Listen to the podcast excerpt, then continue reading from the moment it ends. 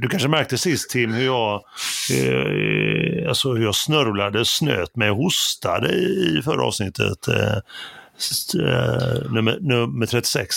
Ja, men du var lite förkyld här lät det som. Ja, men jag tänker alltså det är pinsamt. Alltså, så här kan vi inte ha det Tim. Jag kan inte... Det kan ha varit en annalkande förkylning. Det kan ha varit givetvis, så kan det ha varit den här whiskyn. Just det. Eh, som jag envisades med att jag skulle dricka. Att jag aldrig lär mig brukar jag säga. För det var en annan gång minns jag, det var kanske 10-15 år sedan när jag episoder sen, så jag också tog en whisky och sen blev jag helt konstig i halsen. Så att, eh, ja, det kan inte vara lätt att klippa, klippa upp det avsnittet till.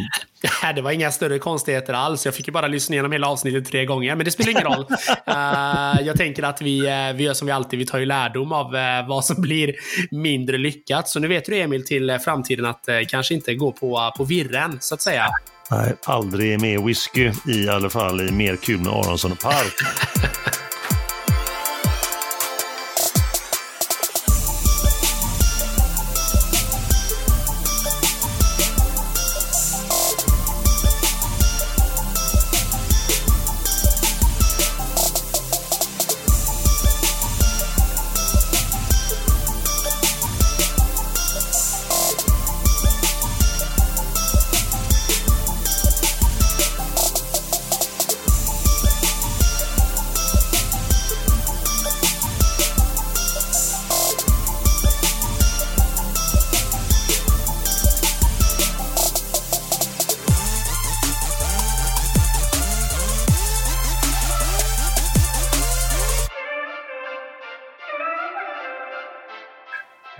Mer kul med Aronsson och Park är här igen. Vi pratar till dig och för dig som alltid, som alltid.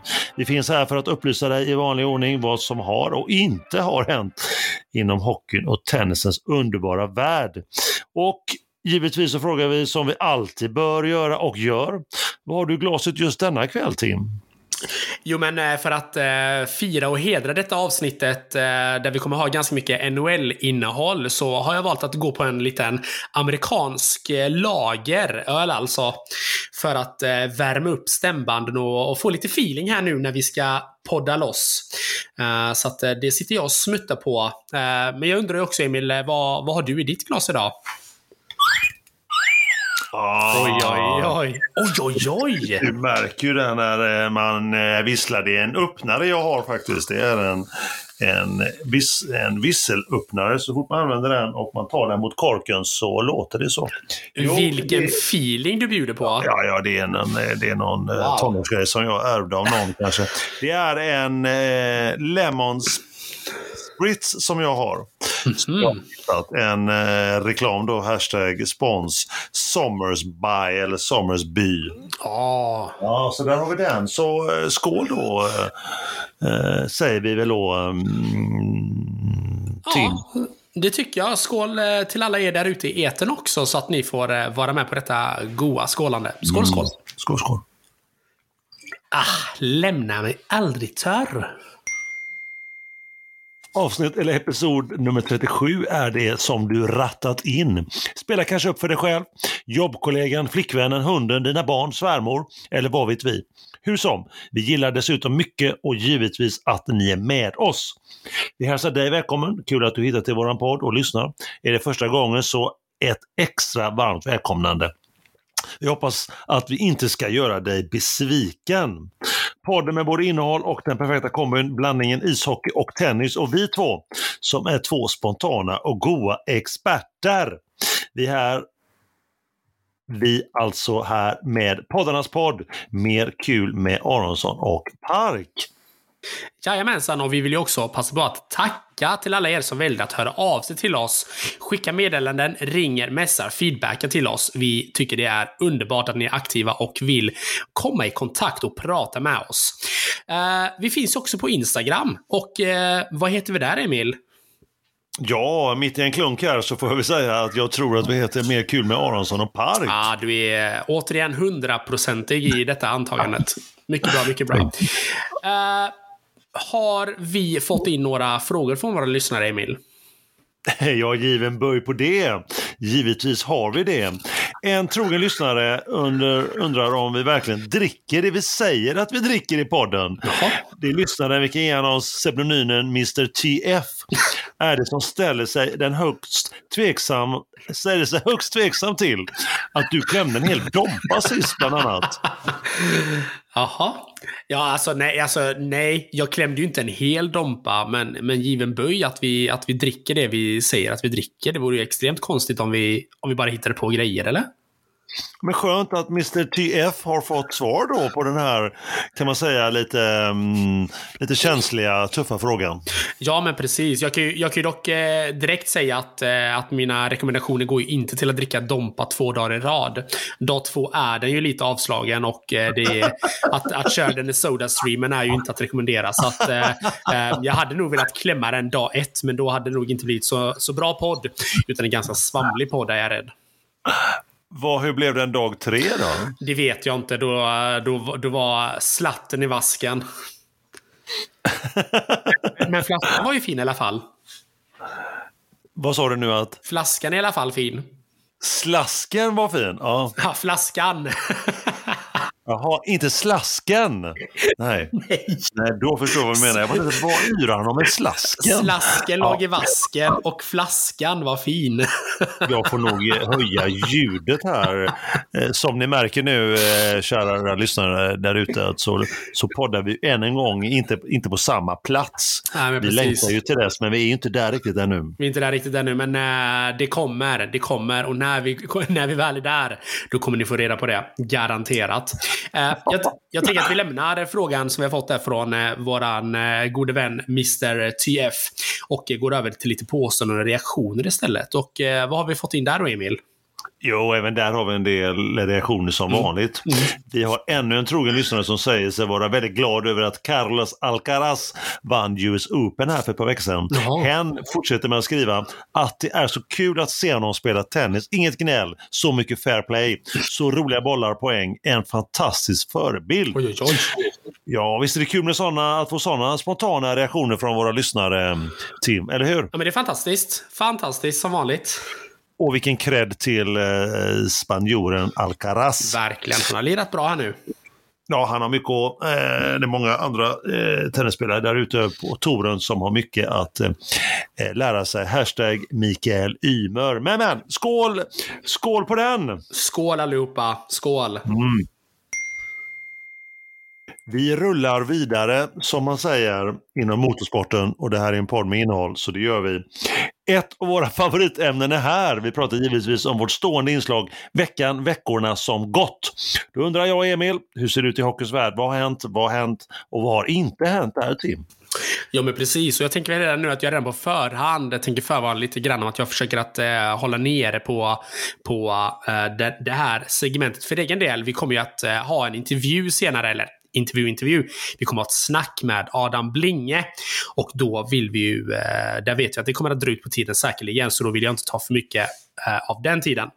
Eh, men hur som helst, SHL rullar på och vi är inne i omgång fyra som faktiskt spelas i detta nu, Emil, när podden spelas in. Jag försökte granska lite mönster hos de lagen som, ja, de endast fyra omgångar så är det ju också väldigt svårt att Eh, och eh, få fram något tydligt mönster hur det egentligen går för lagen. Denna mönster som, eh, som barkar åt det negativa hållet i alla fall är att Linköping ser faktiskt förvånansvärt svag ut tycker jag av det jag har sett. Eh, givet att lagets bästa poängplockare eh, de senaste säsongerna Brock Little vars kontrakt då eh, nu i augusti förlängdes med ytterligare tre säsonger inte har anslutit till laget ännu. Hmm, märkligt. Och vad kan det bero på då? Jo, det är så här att eh, av skattetekniska skäl så har eh, man valt att inte ta in honom för tidigt för att han vill ju få alla pengar som han har tjänat in under sitt eh, föregående kontrakt med Linköping. Eh, så så att han eh, kommer inte att ansluta förrän eh, den första oktober som det ser ut just nu. Nu är det ju eh, faktiskt redan till helgen, men han har alltså inte varit med då under de första sex matcherna som Linköping har haft den här säsongen. Och det kan man ju tycka lite vad man vill om, men han inleder alltså säsongen i Norge och Sarpsborg för att inte åka på en skattesmäll här i Sverige. Vad, vad känner du om den lösningen, Emil? Mm, ja, Eh, jag vet inte själv om man hade kommit på den, men eh, ja. Eh, om han känner att det var rätt, så kör. Mm. Absolut, absolut. Jag får ju lite Vad så här, tycker du? Nej, men jag får lite så här, eh, jag får lite dålig smak i munnen när, när spelare eh, sätter sig själv och sin, eh, sin ekonomi så mycket före laget att man inte, att man inte ens kan vara med vid säsongstart. Ja, det är klart. Det är ju tveksamt såklart. Jag tycker det är lite konstigt att man, eh, att man väljer den här lösningen. Men å andra sidan, eh, det är inte första gången att eh, Linköping gör en sån, sådan här lösning, utan man har gjort det tidigare också när man hade eh, Linka Lavac-kedjan. Då var ju det samma sak med dem. Då dök ju de inte upp förrän vid jul. Eh, och började Ja. sina säsonger på andra ställen för att man inte skulle åka på en skattesmäll. Och jag tycker Men det är det, ganska vanligt va? Inte, är det, sådär, det, det här känner jag igen. Även om jag inte är så insatt att man håller på så. Att man typ åker hem efter halva för att man inte... Mm. Att eh, det ska inte bli för hög skatt. På, ja, sådär. Ja, men precis. Nu, nu drar jag ju till med en, en liten halv killgissning på detta, men min känsla är ändå att det här inte är lika vanlig lösning längre som det var förut. Ah, det Utan vara. de flesta lagen ser ju ändå till, jag menar Sebo Franda och Ryan Lash till exempel, han kom ju inte in i oktober utan han har ju varit med från början. Och det är ju, eller, inte helt från början, men han har ändå varit med från början här nu till säsongstart. Man betalar ju hellre de pengarna för att man ska ha med honom i laget. Att, eh, att lösa en sån här lösning med en så tongivande spelare för Linköping, det, det tycker jag är lite konstigt. Jag tycker det är lite oseriöst om jag får vara helt ärlig. För då blir ju han ju utanför laget här nu de första fem sex matcherna. Där någon typ av struktur ska sättas för att han inte vill åka på en skattesmäll. Jag tycker, den är lite, jag tycker det är lite illa faktiskt om jag ska vara ärlig. Nej, men det är klart. Det är klart. Men det du har väl rätt i det att eh, det man hört talas om genom åren, det var ganska länge sedan man höll på så. Det var ju ganska modernt för bara fem sex år sedan att man hade de här artistkontrakten som det kallades då. just det. Ehm, och att man, man skattar ju mindre på en, på en eh, amerikaner eller en eh, kanadick då, i och med de här expatriatskatterna man hade. Nu ska jag inte gå in för långt där, för det är säkert någon som kan det här bättre än jag, och då vill jag inte göra bort mig. Men jag tycker att det är lite märkligt hur som helst. Utöver detta då så har det varit lite snackisar som det brukar vara vid eh, säsongstarterna eller framförallt under säsongerna. Och det är ju då givetvis eh, domarnas eh, bedö- bedömningar. Eh, given böj som du hade sagt på det Emil. Men redan i premiären mellan Frölunda och Timrå så skedde en lättare tackling i ryggen på en av Frölundas spelare. En, eh, en tackling där Frölundaspelaren egentligen borde ha valt att skydda sig. Eh, och vad jag menar med det är att han borde förstå att det kommer att komma lite lättare tryck i ryggen. Men det han gjorde var att eh, vända sig om helt och hållet, fick en liten tryckning i ryggen och eh, åkte då in med hela kroppen in i sargen först. Vilket renderade då efter lång, eh, lång videobedömning faktiskt att, eh, att man gav Timrå-spelaren ett matchstraff. Eh, uh, det här matchstraffet då, uh, disciplin, uh, fick ju även disciplinnämnden ta del av sedan då, i och med att han per automatik eh, via sitt eh, fem minuter plus game penalty blir anmäld till disciplinnämnden. Eh, så när disciplinnämnden tog en liten kik på detta så valde man att fria hela händelsen då man tyckte att förhandlarspelaren då givetvis borde ha haft lite bättre koll. Det borde ha blivit en tvåa och inte en femma plus matchstraff då som det blev. Så det har väl varit en snackis eh, som har varit eh, uppe på tapeten. Eh, hände även eh, i en annan match Eh, där eh, liknande situationer hände och då tilldelade man ett matchstraff. Men eh, även där då så friade disciplinnämnden med motivering att spelaren som blir tacklad borde ha bättre koll. Och eh, det kan jag ändå tycka är bra. Att man, eh, att man börjar bli lite mer eh, lite mer vaksam på de här grejerna. Att det är inte bara den som tacklar som har ansvar, utan även den som får tacklingen. Ser man att det kommer en spelare i ryggen, då måste man vara beredd på att det kommer att smälla. Så det tycker jag är bra. Eh, sen har vi i sedvanlig ordning då lite match, eller lite filmningar som vi fått se redan nu. Eh, redan omgång tre fick vi se detta, tråkigt. Eh, filmningar som domarna har gått på. Höga klubbor av egna medspelare som har fått motståndare utvisade. Ja, hockeyn lever i allra högsta grad, Emil. Så att eh, det var lite kort om SHL och eh, både Eh, både artistkontrakt, eh, domarkontroverser. Så att jag tänker att, eh, att jag försöker klämma i med de sista 8-9 deciliterna som jag har kvar här av min dompa från för, förra avsnittet och njuter lite av rusets känsla. Och med varm hand, Emil, så sträcker jag över tennisbollen till dig. Så får du redogöra lite grann här vad, vad som har hänt i tennisens värld medan jag njuter av dompan.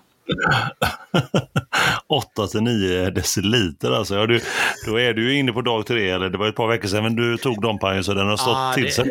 det är snarare dag 14 på den här Dompan nu. Skummat av sig rejält kanske i, i slasken, vad vet jag? Smakar bara druva Eh, nu. men- Hemmafiltrerad. Tim, en podd med innehåll. Eh, Tim, eh, tack för eh, fantastisk redogörelse när det gäller hockeyn som alltid. Jag som ska tacka. Är det, nå, är, det, är, det någon, eh, är det någon som är expert av oss två så är det ju du helt klart. Eh, och så intressant och givande att höra alla dina tankar och analyser om både SHL och allt. Det är så, du, du, du kan hockey helt klart, du kan hockey min vän. Ja, men jag jobbar på det. Tackar, tackar. Ja, lite mer CHL kanske nästa gång bara, sen var jag helt Ja, men precis. Men då får vi hoppas att det har spelats lite CHL också så att vi kan ha någonting att diskutera. Ja, men jag tänkte du kan väl prata om vad lagen känner, hur de tänker. Nej, jag skojar bara. Ja, ska- Men, ska eh, ringa dem direkt. ring, ring Strasbourg och kolla. Ja, ja, ja. Eh, ska vi se. Eh, då ska vi se. Eh, jag får också tillägga här då, eh, innan jag går in på veckorna som gått när det gäller tennisen, då, att det är skönt också att det är så här långt eh, att det verkar ha kommit in, verkar det som, vad jag har märkt i alla fall på inflödet och inte du har glirat mig eh, någonting vad det gäller mina tippningar i US Open, då, tennisen här för ett par veckor sedan. Så det var skönt Tim att det inte har blivit mer av den varan. Tack för det. Ja, vi går vidare nu. Vi går vidare nu. Ja, det har vi gått vidare. Vi har- Starkare vi än någonsin men jag tänkte så här att jag ska ju då börja prata om eh, den här sexdagars varianten som har varit och då, då pratar jag inte Dompa som har legat och gottat till sig utan det vi snackade upp sist, alltså Davis Cup Finals som då vi pratade upp sist och nu då ska prata ner eller redogöra för hur det gick. Om ni minns då så var det 16 lag i fyra grupper i fyra städer som skulle då, och ur där skulle man plocka åtta stycken till slutspel i november i spanska Malaga. Alltså två länder av de fyra i varje grupp som skulle gå vidare. Då. Och då undrar man, hur gick det då? Jo, eh, Sveriges grupp A, eh, grupp A i Bologna. Eh, om ni kanske minns så sa jag någonting i stil med så här förra avsnittet. Ser vi rent på rankingen är Sverige en ordentlig underdog, en slagpåse. Tre landskamper med tre matcher i varje. Inte mycket talar för att Sverige ska vinna någon match. På sin höjd någon dubbel när landskampen är avgjord. Eh, Men eh, ja, som vi, eller som vi, vi ska, eller som vi brukar säga, mer kul med Aronsson och Park brukar säga, eh, i Davis Cup kan allt hända. Minns du? Jajamensan, jajamensan. Ja. Och eh, man kan säga att eh, har ju ett sånt otroligt flow just nu med mina ingångar och mina tankar runt om hur det kommer gå i olika tennisturneringar och annat. Hur tror du det gick för Sverige? Jag har ingen aning. Jag vet att man vann en match, men sen har jag faktiskt ingen aning. Det var ju det. Sverige blev ju ingen slagpåse riktigt, som jag var inne på. Att det skulle bli en ordentlig slagpåse för Sverige. Eh, så här gick det. Är du med? Kör på, kör på. Ja, vad härligt, vad härligt. Ja, Sverige överraskade helt klart i sin första match mot Argentina. Eh, positivt givetvis och, och Argentina de överraskade ju negativt. Tvåorna ställdes mot varandra. Eh, I första matchen då var det Elias Ymer då för Sverige och i Argentina ställde man upp, inte med sin tvåa för man ställde över Zerandolo och st- istället slängde man in trean Sebastian Baez. Ja, och eh, det blev så att, eh, och som svensken Elias Ymer spelade, han spelade otroligt aggressivt, offensivt. Vi såg honom väldigt, väldigt ofta på nät. Till det en serve som imponerade otroligt stort. Eh, och framgångsrikt var även hans tempoväxlingar, framförallt på Baez sida. Underlaget är en klassisk matta med långsam stutt. Ymer kan man säga trivs helt klart bättre på denna av de två. Drygt 80 placeringar på rankingens skillnad, det märktes inte mycket av. Och svensken vann då till slut i, med sju, eh, i tiebreak-set det, det sista med 7-4 efter två och en halv timmes spel. Och Sverige upp i ledningen alltså med 1-0. Och då följde ju givetvis singel nummer två, vad annars Tim och övriga. Då möts ju ettorna i varje land. Då var det ju Mikael Ymer mot då mot då den 17-rankade Diego Schwartzman. Och hur gick det där då? Jo, Mikael Ymer vill inte vara sämre än sin bror givetvis. Eh, och vinner matchen med 6-2, 6-2, två raka efter en och en halv timme. Här fick vi se en otroligt vä eh, välspelad match, sett från Ymers sida i alla fall. Han hade ett enastående tålamod matchen rakt igenom. Oj vad han gnetade på. Allt som oftast vann var duellerna väldigt, väldigt, väldigt långa. Och den som gång på gång vis, inte visade samma tålamod, det var just motståndaren då, Schwartzman. Eh, Mikael Ymer spelade precis som sin bror, eh, likt sin bror Elias i hans första match, väldigt, väldigt aggressivt. Han stod oftast och styrde spelet från baslinjen var annars. Landskampen är avgjord och Sverige går alltså upp i ledningen 2-0. Vem kunde tro det? Ja, men det är starkt. Och, Ja, verkligen, verkligen. I den avgörande dubben då så var det André Göransson, dubbelspecialisten och Elias Ymer som började lysande mot det välhållande argentinska dubbelparet eh, Gonzales och eh, Orogia i eh, Eh, och, men tyvärr så fick de ge sig. Efter att ha vunnit första set så förlorade de set två. Eh, nej, eh, så här var det. De eh, förlorade första set, vann andra och förlorade då tredje set mm. med 6-2 på en timme och drygt 40 eh, minuter. Så, så var det. Men, och det som fällde avgörandet här kan man säga att Elias Ymer såg sliten ut på slutet. Mm. Han hade då spelat en singel först och sen eh, fick han vänta eh, ett par timmar och sen spela en dubbel. Och det tog ut sin rätt. Mm. Så blev det. Alltså trots då eh, 1-0 i set och break-up i andra så orkar inte Sverige, svenska paret, stå emot. Mm. Då var det dags för den andra matchen Eh, ett par dagar senare då mot Kroatien. De som gick då till eh, final i fjolårets upplaga av Davis Cup Finals. Då var först ut var det Elias Ymer mot eh, Borna Gojo. Eh, Ymer den äldre inledde med sånt lugn, tålamod. I varje duell fanns återigen självförtroendet var stort, med krydda på pondus och vinst till Ymer den äldre med 6-2, 7-6. 7-2 i tiebreaket efter eh, en timme och 40 minuter där. Och andra singeln då, då var det dags för Mikael Ymer, alltså ettorna mot Koric. Ni, ni kommer ihåg honom som var Masters här för ett tag sedan i Cincinnati. Mm. Eh, första set, Ymer tappade server med en gång och sen kom han aldrig ikapp. Attityden kunde vi se skillnad i andra set. Svensk break där efter en eh, lång forehand ger 2-0 och så 3-0 till svensken efter 17 minuter. Och han gick upp och vinner då eh, det andra sättet. Och avgörande sätt, ännu en ny scenförändring tyvärr får man väl säga. Mm. Ymer tappar sin serve omgående. Eh, han ser loj ut av någon konstig anledning, eh, trots då, och ser även trött ut, trots då att han eh, har vunnit set eh, nummer två. Mm. Eh, och, eh, ja, och sen eh, går, eh, seglar kroaten ifrån och eh, Ymer, eh, den yngre, orkar, kan aldrig komma ikapp så att han förlorar med 1-2 i set. Och då har Sverige eh, eh, och Kroatien 1-1 inför den avgörande dubbeln. Då gör så kapten Hetsberg och spelarna att de gör en liten rokad där. Mm. Då eh, André Göransson, dubbelspecialisten, får stå, till, eh, stå vid sidan av Eh, till, ehm, och man slänger in istället Mikael Ymer. Det innebär att alltså bröderna Ymer spelar återigen tillsammans. Dessa är för första gången i Davis Cup. De har ju en ATP-titel ihop faktiskt i dubbel 2016 i Stockholm Open. Mm. Eh, men som sagt, de har aldrig spelat dubbel ihop i Davis Cup. Och då var det dags i, eh, för detta.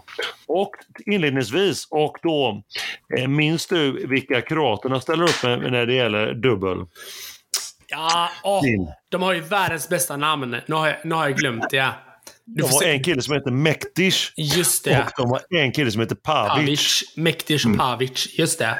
Underbara namn. Det är ju eh, ett av världens bästa dubbelpar Alltså verkligen. Tennis. Verkligen. Inte, de, kanske de var inte... ju världsettor här för något år sedan. Jag tänkte, säga, ja. jag tänkte precis säga, kanske inte som par, men i alla fall som namn. Men okej, okay, som par. Även, även som par faktiskt. det är otroligt. Helt klart. Men mm. de var inte scoutade av kroaterna någonting, för de, ingen visste ju att Ymerbröderna skulle spela. Nej. Så att Ymerbröderna de chockade lite inledningsvis och går upp eh, mm. i en 4-2-ledning och 30-0 i egen serve för Sverige. Två bollar alltså ifrån 5-2. Och vid, ehm, eh, och vid 30-15 så, så var en rak backhand från Mikaels racket som var precis lång. Det innebär att det här hade Sverige fått 40-15 och 4-2. Men det är historia, det blev inte så. En bara så från 5-2, men det blev inte bättre än så utan Sverige tappade. Och Mikael Ymer tappade sin serve faktiskt tre gånger på raken sen. Eh, så att där tappar man igenom det och förlorar då till slut med 5-7, 3-6 efter knappa eh, alltså 0-2 i set och landskampen förlorar man ju då 1-2. Och då kunde man ju inte veta vid det laget att den matchen, det var det som avgjorde att Sverige inte hade så mycket chans. För att nu var det då, nu var det efter mycket förvirring om hur, det, hur man skulle räkna etc. etc. Så inför avgörande matchen mot Italien, hemmanationen Italien, så kunde Sverige gå vidare ifrån gruppen som eh, om man vann mot Italien med alla tre matcherna, både de två singlarna och dubbeln. Men eh, det var inte riktigt klargjort eh, för att då hade ju, all, då hade ju Italien, om Sverige hade vunnit matchen mot Italien, då hade ju både Italien, Sverige och Kroatien haft eh, 2-1 i matcher. Eh, men det var inte det som avgjorde om man hamnade så. Då kunde man tro att man skulle liksom hamna ner i matchkvot, eh, i setkvot eller gemkvot om man skulle bryta ner det. För det var tre lag på samma liksom, vinst och förlust i, i landskamper under, i sin grupp. Men det visade sig att Italien då, för de hade bättre matchkort, då räknade man bort de som redan klara. Och då, då var det inbördes möte som gällde helt plötsligt. mellan Kroatien och Sverige. Men, och Kroatien okay. vann ju då dubbeln där som jag sa precis. Ja. Och då vann den landskampen mot Sverige med 2-1. Och det gjorde att Sverige då måste vinna med 3-0 för att, för att gå, gå förbi Italien i gruppen. Ja, det är hur snurrigt som helst. Och det här var inte klargjort under matchens gång, så det var liksom ingen som visste. Ja, det är ja, du, du, du har ju själv, Davis Cup Finals har ju mycket att öva på när det gäller det både ena och andra. Jag har varit inne på det förut när de har ändrat datum och de har flyttat fram matcher och tider och klockslag högt och lågt. Du får, eh, du får, verkar, du får anmäla intresse och ta över den organisationen. Det verkar ju ja, helt kaos. Man borde göra det faktiskt. Jag borde göra det för att det, det finns ingen ordning där. Nej, det är inte speciellt Men... mäktigt att hålla på sådär. för att sammanfatta det i alla fall, så inledde tvåorna i de båda länderna och då är ju Italiens tvåa Berrettini, han är 14 mm. rankad i världen, han mötte då Elias Ymer. Mm. Och Berrettini spelade på topp. Han hade, ett, han hade en liten dipp i ett game kan man säga, vid 4-5 i första set. I övrigt så hade han inte mycket annat. Där hade faktiskt Sverige Ymer 15-30, två bollar från um, Eh, två bollar där från break. Alltså. Så, mm. Men det blir inte mycket mer så. Eh, och ehm, italienarna vann med två gånger 4-6 eh, på drygt en timme där och då var det 1-0 till Italien och då kan man då i efterhand inse att nu var då eh, regelverket så att Sverige var borta då. Men det visste man inte riktigt då. Så Sverige spelade vidare som aldrig förr och eh, matchen efter det var ju då Mikael Ymer mot Jannik Sinner. Du vet han den enda jag hade rätt in i kvartsfinalerna in i US Open. Ett av åtta rätt om ni minns eh, där ute. Så det är ju min gubbe som jag kallar honom då, världselvan. Ja, vi har, vi har, för, vi har förträngt det tipset Emil, så du behöver inte, ja, det har vi gjort, har vi gjort. Du, behöver inte fastna där. Nej. Eh, men jag kan gå vidare med matchen istället och, ja. då vinner Mikael Ymer. Vinner första set och vinner avgörande set med, efter knappt två och en halv timme mot då eh, mot då eh, världselvan Jannik. Eh, efter briljant spel, imponerade mycket och kunde hålla ihop det till sist efter någon dipp. Och Sverige utjämnar då till 1-1 mot mm. Italien och då kan man tro att dubben ska avgöra och sen ska man börja räkna då eh, GM och setkvot och sådär. Men så var det inte, Sverige var utslaget. Och det gick ju upp för alla då mellan dubben och den, eller singeln, den andra singeln och den sista dubben. Så då gör eh, Elias Ymer så att han ger plats åt Dragos Madaras istället, som får spela för Sverige ihop med Göransson och de möter det rutinerade italienska paret Bolele och Fongini. Och eh, Sverige förlorar. De hänger med bra första set men det går till tiebreak och de förlorar. Och därmed har Sverige förlorat då landskampen även med 1-2. Så då blir man ju utslagna, men Sverige gav ju upp och spelade där på slutet givetvis. Mm. När man inser efter 1-1 att det är ingen idé hur det går i, i den avgörande dubben. Så Italien eh, vidare. De vinner ju både mot eh, Kroatien och Argentina och Sverige i, i den här gruppen. Och de går vidare med Kroatien som då slår Argentina och även då Sverige. Så blev det i grupp A. I grupp B där hängde ju hemmanationen Spanien då, om vi ska gå igenom snabbt de andra grupperna. Spanien, Kanada, Serbien och Korea. Och där gick ju då till slut eh, då Spanien och Kanada. Kanada under ledning av, eh, av Ashir Alessim och Alcaraz då, den gode spanjoren, världsettan, var, ledde ju Spanien till vinst och förlorade Alcaraz en singelmatch. Sverige, Ben och Korea utslagna. Grupp C, Hamburg spelades där, Tyskland spelade där och eh, de gick vidare tillsammans med Australien. Eh, Sverige var dock inte med då, den tyske slagmannen, du vet. Hans fotskada gör att han kommer ju vänta en stund. Eh, ett bra tag till verkar det som. Mm. Och då Australien vidare som jag sa, Frankrike, Belgien borta. Grupp D slutligen, i Glasgow, Spanien. Där var Storbritannien med i sällskap av USA, Kazakstan och Nederländerna. Och här gick eh, hemmanationen eh, inte vidare. Storbritannien borta, Kazakstan borta och Nederländerna och USA till slutspelet. Som sagt i november och vi lär ju återkomma dit. Vad händer med Sverige undrar du nu kanske? Ja. Eh, Tim, eh, de är ju utslagna nu och det innebär att de får då köra en kvalificeringsrunda i februari, första helgen där, första mm. veckan, mm. mot då eh, mot eh, de lagen som vann i gruppen under Sverige, det är grupp 1. Och det med lottning och så, det kommer ju komma efter finalspelet i november, i början på december. Och med Sverige kan jag få möta faktiskt, intressant om lotten vill rätt, Norge hemmaplan med Rud. Oh. Det kan vara lite spännande kanske, men det får vi återkomma till givetvis längre fram. Kasper Rud. Exakt, världstvåa. Mm. Inte illa. Eh, vad som har hänt med ATP snabbt förra veckan. Mets, franska Mets, ATP 250, där vann Sonego. En italienare då, eh, över ryssen Bublik i finalen. Mm. Eh, har rullat lite roliga klipp där på Bublik när han helt plötsligt när han somnar framåt nät så ska han slå till bollen med att vända racket och försöker slå till med liksom där man, i handgreppet där man håller racket. Ja. Hur, han fick ett, eh, vad ska man säga, hashtag hjärnsläpp på den Ja, kanske. riktig pajas ju. Ja, verkligen, verkligen. verkligen. Eh, och i San Diego var det också här förra veckan. Eh, förra, förra veckan eh, och där vann, eh, det var hel amerikansk final mellan Nakashima och Giron. Mm. Eller Giron kanske som Giron. Nakashima låter ju inte amerikanskt precis och inte Giron heller kanske. Men det är två amerikaner i alla fall. Och där vann Nakashima i två raka set. Noterbart är att alla som vann då de två ATP-turneringarna då den här veckan i Mets och San Diego var rankade 40 till 50 i världen. Mm -hmm. Och så har vi då eh, någonting som hände i helgen. Eh, någonting som jag kanske ska nämna också då, det är ju Laver Cup. Mm. Eh, Roger Federers turnering som spelas en gång per år. Mm. Där Roger och ledningen för den här turneringen bjuder in spelare från Europa som möter ett världslag. Och nu i år spelar de i O2 Arena i London. Mm. Och det visade sig här för ett par veckor sedan att Roger då efter en skada på 15 månader att han eh, officiellt meddelar på sociala medier att, att Levi Cup blir hans sista turnering där han lägger av. Mm. Mm. Vad tycker vi då om det Tim?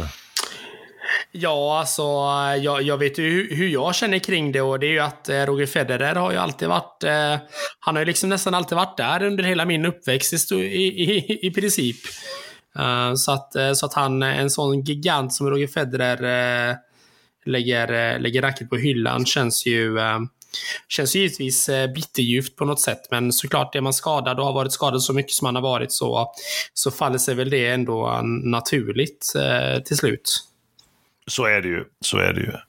Eh, som du säger, efter mm. Eh, hur det har varit de, sista åren för honom så är det inte konstigt att man till slut känner att eh, nu, nu avslutar vi det här, nu är vi nöjda. Ja, precis, precis. Eh, så, är det, så är det. Sen kan jag tycka till mellan oss två här och mm. övriga då kanske, att han kanske borde avsluta på ett annat sätt kan jag tycka. Eh, att göra en avslutning, en uppvisningsturnering. Eh, eh, som Levi Cup är eh, i en dubbelmatch tillsammans med Nadal. Det var väl vackert. Eh, men i, i en uppvisningsturnering kan man tycka då att man kanske ska regissera det så väl, skådespeleriet, att han vinner med vinst med mm. Nadal. Mm. Eh, men de förlorar ju den dubbelmatchen och spelar då mot världslaget. Hur hade det ultimata slutet eh, sett ut för dig Emil när det gäller eh, Roger Federer? Nej, jag kan tycka att han skulle gjort en liten avskedsturné nästa år. Mm. Eh, där han åker runt lite grann på olika turneringar, eh, de stora givetvis. Du tror inte han kommer göra det ändå? Då? Nej, han har sagt att han gör inte det. Han är Nej. helt klar. Jaha. Nej, ingenting, ingenting. Nu ska han ju satsa på tennisen på annat sätt, har han sagt. Han kommer ju väl fortsätta då med Levi Cup som har startat här för några år sedan. Mm. Och, och, och lägga än mer en, en energi på den kanske. Mm, kanske. Ja. Så att det hade jag väl kunnat se. Så att, eh, eh, ja, så så. Men Levi Cup i alla fall, det är, många gillar den och sådär. Många gillar att se, många blev ledsna när man såg Roger Federer sitta på bänken där och eh, med handen, eh, med handen i, i Nadals hand och sitta och gråta i kapp där. Eh, Sådär. Det- Det var vackert på, på, på sitt sätt kanske, men jag kände att nej. Eh, kunde gjort det mer värdigt avslut. Det är min, eh, helt klart, Mm, mm. eh, min ingång på detta. Världslaget vann faktiskt för övrigt, om man nu ska säga någonting, eh, den här turneringen över Europa och det har inte hänt förut. Man räknar så att man spelar, man spelar, eh, man spelar tre stycken Tre stycken singlar och en dubbel varje dag, fredag, lördag, söndag. Ja. Och dag ett när man vinner så får man ett poäng för vinst av match. För varje match. Och dag två så får man två poäng för varje eh, matchvinst. Och dag tre får man då ja, tre poäng för varje matchvinst. Ja, rimligt. rimligt. Ja, verkligen rimligt, helt klart. Man märker ju att det är en uppvisningsturnering, det gör man ju inte alls. Där man får fler poäng för varje dag som går, ja du hör ju. Ja, det Men det innebär att världslaget låg under efter två dagar, men sen vände då, för då får man ju otroligt många poäng sista dagen för varje vinst. Och då vinner de, så då vann de så eh, överlägset till slut efter att ha legat under stort. Eh, så att man hoppar över och spelar den sista matchen. Det tyckte man ingen var idé, för man kunde ändå inte komma ikapp. Ja, snyggt! Ja. Men så är det, så är det. Uppvisningsturnering. Men eh, som sagt, vi får väl, eh, får väl ladda, jag får väl ladda för en, vi får väl ladda för en, eh, för en ehm, eh, att vi ska hylla en veckans hyllning av Roger lite längre fram. Eh, där vi går igenom eh, lite grann hans karriär Mm. och kanske förbiser det av denna, detta avslut. Det, det lär vi ju garanterat att göra. Det, man får inte glömma det att i tennisens värld så är det väl ändå en av de absolut största giganterna som lägger racket på hyllan ändå, va? Ja, så är det. Så är det. det går inte att säga någonting annat om än att Nej, eh, nej. det är en helt fantastisk karriär. Ja. Ja. Då har vi lite svensk koll på det kanske. Eh, vi har ju vi har pratat om Mikael Ymer förut i Davis Cupen där, men han gick också till kvarten i Metz här, som jag nämnde förut, ATP 250 i Frankrike. Mm. Där åkte han ut på den gamla världstrean Wawrinka Mhm. i en tre, tät tresetare. Mm. Inte illa, inte illa. Eh, det var bra. Och, i, och sedan igår kväll då, faktiskt, när vi spelade in det här, det här är tisdag kväll när vi spelade in det och i måndags då var det en ny turnering den här veckan. Eh, då han eh, i Bulgarien och Sofia Ja. spelade han och då mötte han Ivarska, det är en ryss då som ni kanske minns för några år sedan, förra året när han var i final i Winston-Salem och förlorade stort. Och nu mötte han då honom och gav honom en otroligt jämn kamp och förlorade eh, knappt och, och väldigt, väldigt tätt. Men det han eh, det han skämde ut sig för lite det var att han var helt skogstokig på domaren och sen gick han och, sen gick han och pratade lite med eh, lite publik. Eh, och sådär. Och han blev lite osams med lite, några stycken i publiken och då ska tilläggas, eh, som sagt, jag såg matchen att det var inte mycket folk på läktaren. Men han hade, då, och då har han snappat upp lite grann vad han, vad han blev arg på någon. Men dock har man inte fått höra vad publiken skrek, men man har hört vad Mikael Ymer skrek och då har han, har han skrikit någonting i stil med att så här har han skrikit, jag tjänar en årslön på banan just nu. Jag förstår inte varför ni spelar för hyrespengar. Då har man kopplat det till att han, någon har hetsat honom att han ska förlora för att de har spelat på matchen. Det är vad man tror. Så skriker han igen då, ni borde söka hjälp. Jag tjänar en årslön just nu. Gambla inte, gå till en psykolog. Det här är inte bra för er. Jag hjälper er. Jag donerar 100 dollar. Ja. Så det har han visst skrikit där på matchen igår när han spelade i Bulgarien. Så- Nej, förlåt, förlåt, förlåt, jag gapskrattar. Men vadå, 100 dollar? Var, eh, alltså det finns väl ingen, ingen psykolog som tar 100 dollar, eller? Nej, men det var, eh, det var vad han sa. Jag känner sen, en årslön. Här har du 100 dollar. sen Mikael Ymer, han i presskonferensen efter Argent- matchen i Davis Cup Finals mot Argentina, Mm.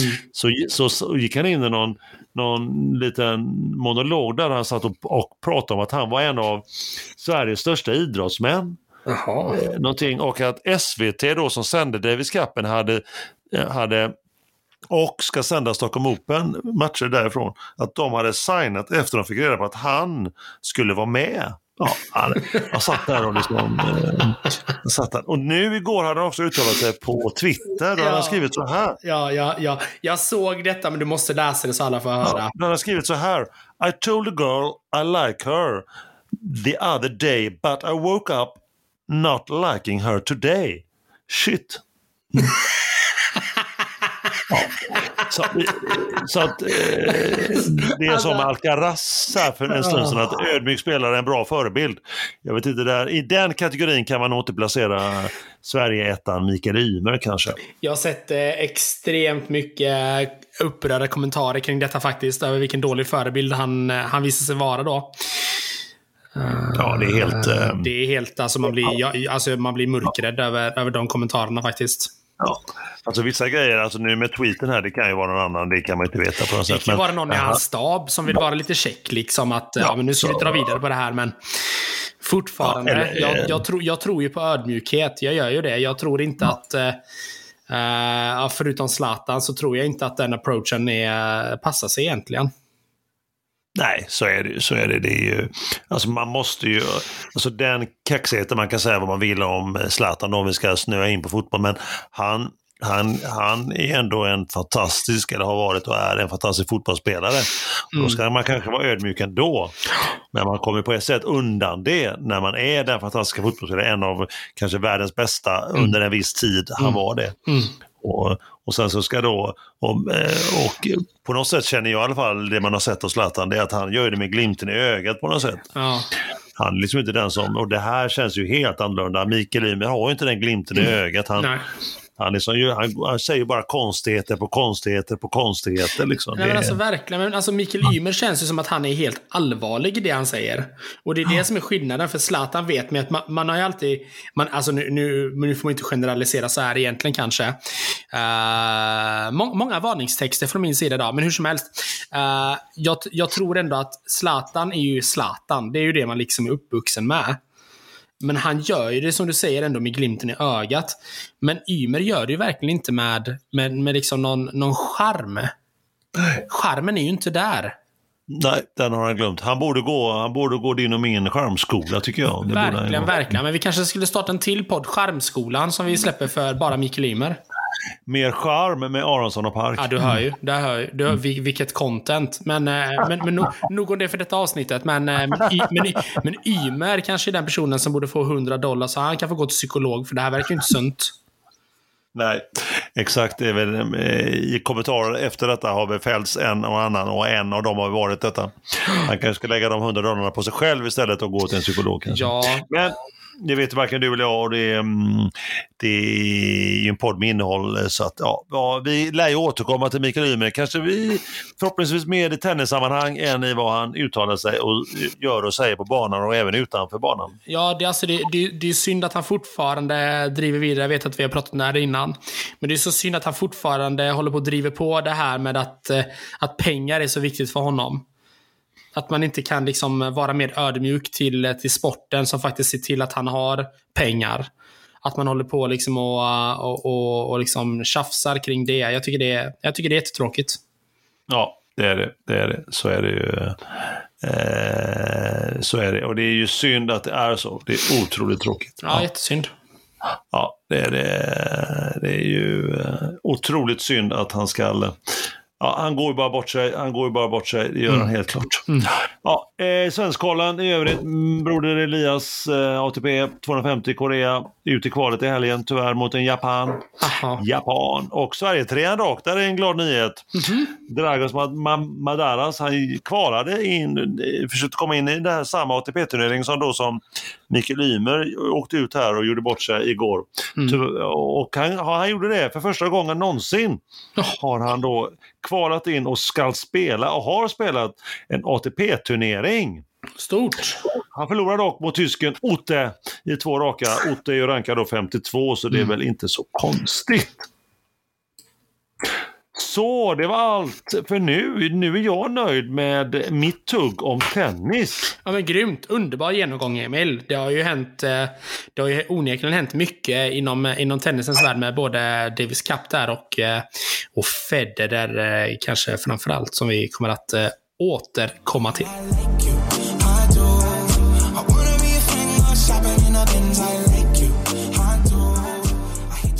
Nytt avsnitt, nytt ämne. Vi har ynnesten att återigen ha fått knyta upp en man som är otroligt upptagen. En man som många sliter i. Som alla sliter i honom. Vi pratar återigen om veckans gäst och vi pratar om vår alldeles egna NHL-expert Adam Blinge. Varmt välkommen Adam!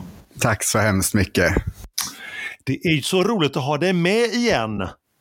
Eh, otroligt roligt att få komma tillbaka måste jag säga. En stor ära. Man kan nästan, jag och Tim brukar säga att du börjar bli en institution, en institution här i våran podd med innehåll. Som också gör att vi får än mer innehåll. Ja, det, det är ju gåshud. det måste man ju säga ändå. Och i och med det så tänker jag att jag lämnar över till dig Tim. Ser fram emot att lyssna faktiskt på er två och jag lutar mig tillbaka för att höra ert tugg om NHL-hockey. Let's go boys! Men först vad har du i glaset, vår gode vän och NHL-expert? Eller ska vi kalla det NHL-guru? Ja, jag, jag har ett, eh, ett litet glas whisky faktiskt. Ehm, jag tror att den är ganska billig. Jag fick den av brorsan för att han hade många flaskor. så jag vet inte riktigt. Där fick men, din bror sig en diss. Ja. Jajamän, så är det. Vet du. Eh, nej, men så att jag är ändå nöjd. Bättre än inget. Ja, men skönt då. Ska vi, ja, ja. Ska vi skåla och hälsa Adam varmt välkommen till, till podden avsnitt nummer 37. Ja men absolut. Välkommen Adam. Kul att ha dig eh, med här igen. Ja, tackar tackar. Kul att få med som sagt. Skål på er. Skål. Skål, skål. Skål på er. Mm. Adam, jag insåg att eh, en fråga som vi inte kunde ställa under eh, förra gången du var med. Det mm. var ju, eh, det var ju lite grann om NHL och Stanley Cup-finalen. Vi, mm. vi har ju liksom inte riktigt betat av det, så jag tänker att man får ju börja i rätt ordning. Så att, vad tycker du Adam om den Stanley Cup-finalen vi fick bevittna här nu i tidigare i år? Ja, nej men det är alltså, det är ju bara, det är ju så jäkla mäktigt eller? Alltså det är ju vilka lag som är i final. Alltså Colorado och Tampa, det är otroligt välskötta lag måste man ju säga och det är så roligt att se dem. Inte minst alltså Cale McCarr. Mm. Uh, han är ju helt fantastisk att kolla på. Det, alltså hans skridskoåkning, hans teknik. Och att, att, att, man, att han bara kommer bli bättre också, eller borde göra det. För han är, alltså han är 23 år gammal. Det är mm. helt galet. Eh, och Sen ska jag väl vara helt ärlig och lite upptagen så jag kunde inte se alltså, alla matcher och sånt där såklart. Men eh, mm. när man kollar efteråt, alltså, det, det är så otroligt bra och rolig hockey att kolla på. Alltså. Mm. Det, det, man ska vara lycklig över det. att man ja. får se detta. Ja, men alltså, det, det, är man ju onekligen att man har fått eh, ta del av den här Stanley Cup-finalen. Jag, eh, ja. det, är, det är oerhört starkt som du är inne på att Tampa Bay återigen för tredje året i rad ja. befinner sig i en Stanley Cup-final till att börja med. Ja. De gick, för, eh. de gick för tredje raka och ja. det tillhör ju inte riktigt kanske vanligheten att man, att man har en sån kontinuitet under så lång tid. Verkligen inte. Det närmaste man kan komma egentligen i... Ja, Pittsburgh vann ju två raka där då. Ja. 16-17 va? och sen Chicago tre på sex år. Och sådär. Men ja, det ännu bättre än Tampa Bay är väl då Patrick Maroon va?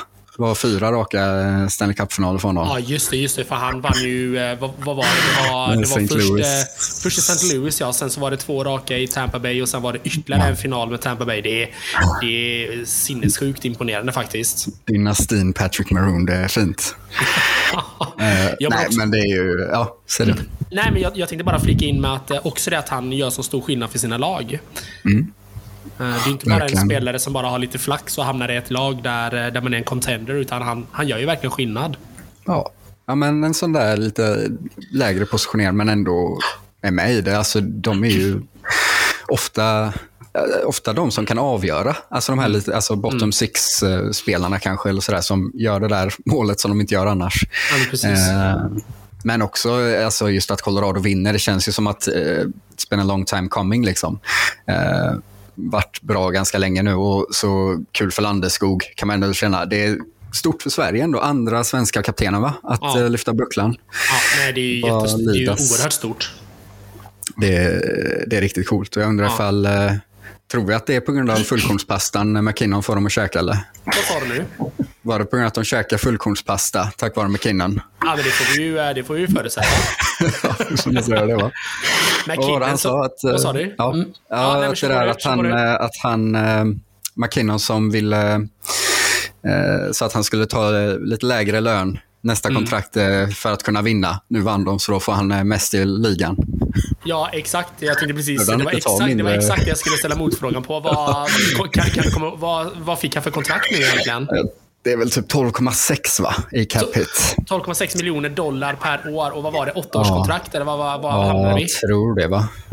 Det är, vet, det är det eh, längsta man kan få och det är ja. bara Colorado som kunde göra honom det. Så att jag tror att det är åtta. Ja. Ja, och det är ju helt eh, otroligt. Ja, bäst betald i ligan. Vad är det? 0,1 mer än McDavid.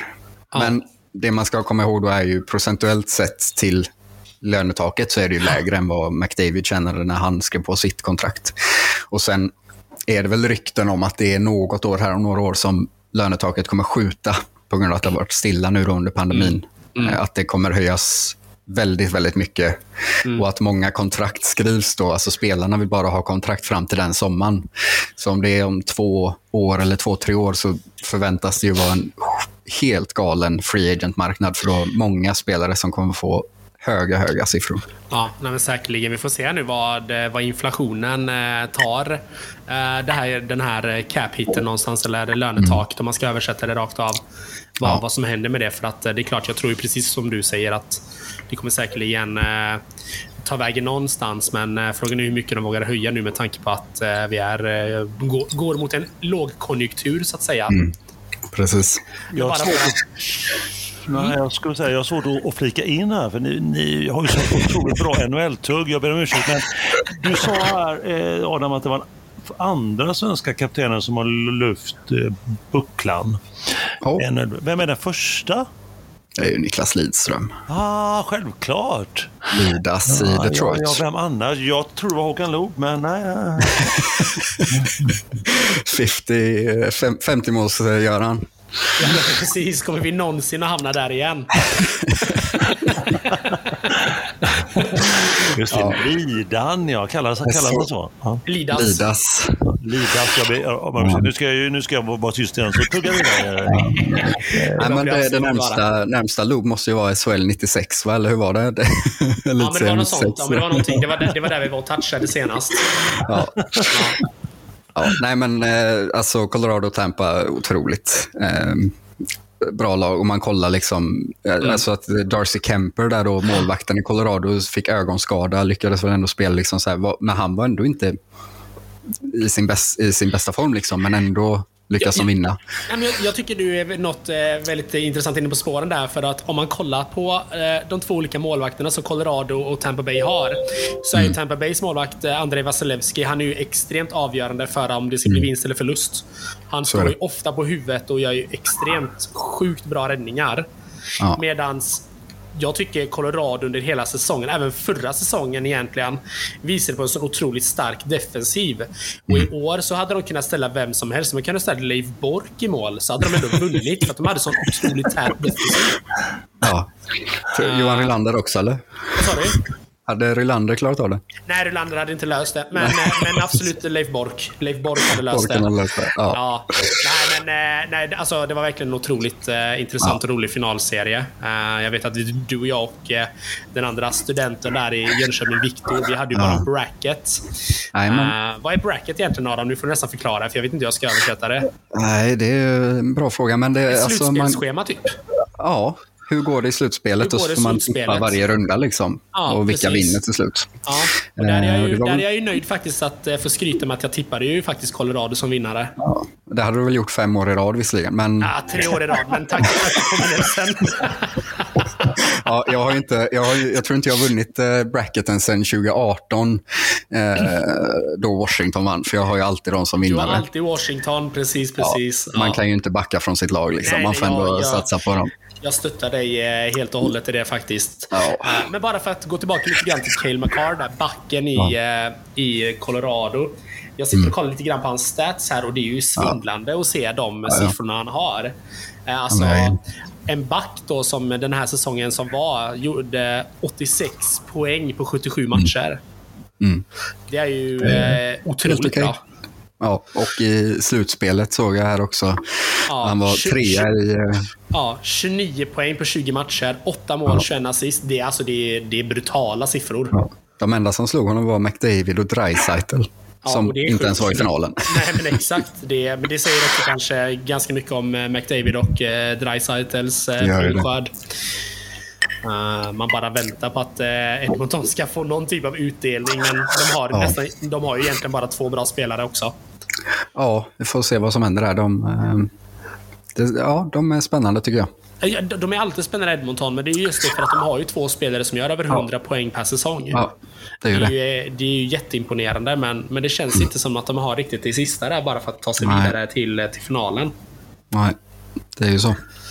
Ja, nej, vi får, eh, vi får se hur det blir där. Det blir, eh, Ja. det blir intressant. Det har varit en väldigt eh, kul eh, avslutning i alla fall på, på säsongen som var. Men, Mm. Men nu då den eh, 27 september som vi sitter här och spelar in så är det faktiskt ganska snart dags för en ny NHL-säsong. Mm. Jag tänker att det, är- det är ju svårt att inte prata om de tradesen som har varit nu inför Mm. den här säsongen.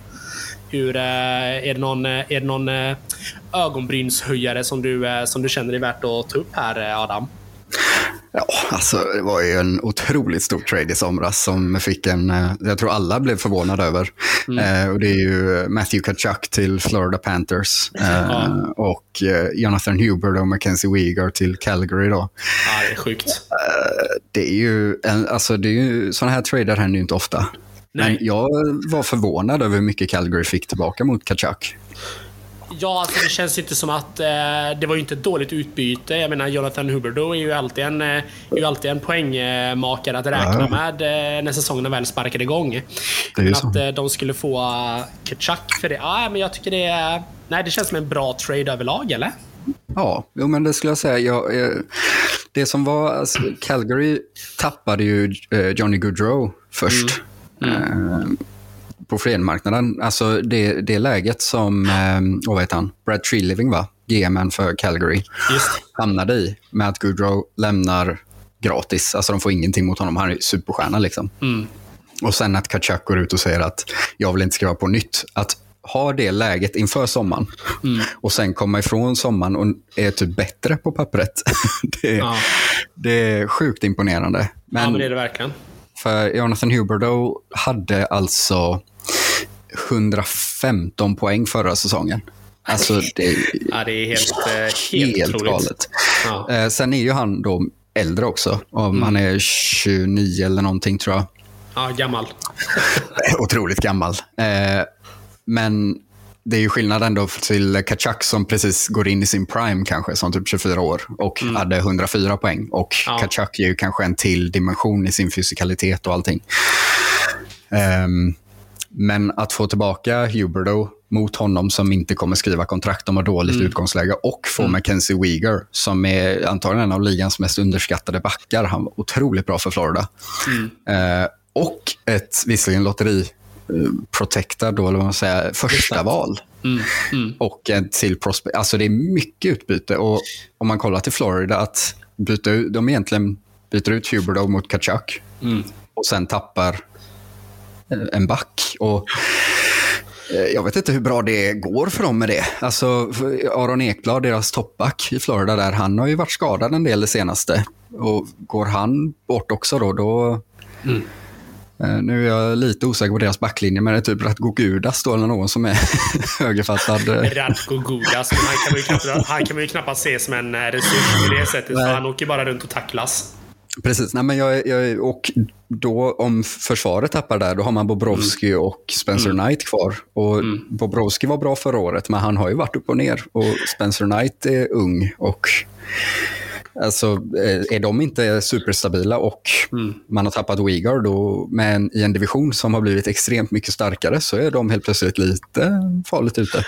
Ja, men precis. Nu, nu är jag säkert ute och svingar här och nu får ju folk inte riktigt ta det för, för vad jag säger. Men är det inte generellt lite så när, när ryska spelare skriver på de här stora kontrakterna att de, de svajar lite grann och sen så kommer de upp, är de uppe, eh, uppe för räkning igen när det liksom eh, ifrågasätts och hålls på. Och sen så är de lite dåliga igen och sen ett nytt kontrakt ska till. Då, då jäklar smäller det till igen. Ja, lite Alexander Semin typ. Jag tänkte precis säga det. Det är lite som Alexander Semin. Han var ju extremt upp och ner. Och när han ja. väl skulle ha ett nytt kontrakt, då var han ju eh, million dollar bucks. Liksom. Han var ju otrolig. Ja, exakt. Nej, men det, det finns väl så, det är verkligen. Sen är det ju också med målvakter. Ricky Petro, eh, mm. vad heter han, ja, ja, Mr ja. Universe. Ja, ja, ja. Uh, Ilja Bryzgalov. Bryzgalov, ja.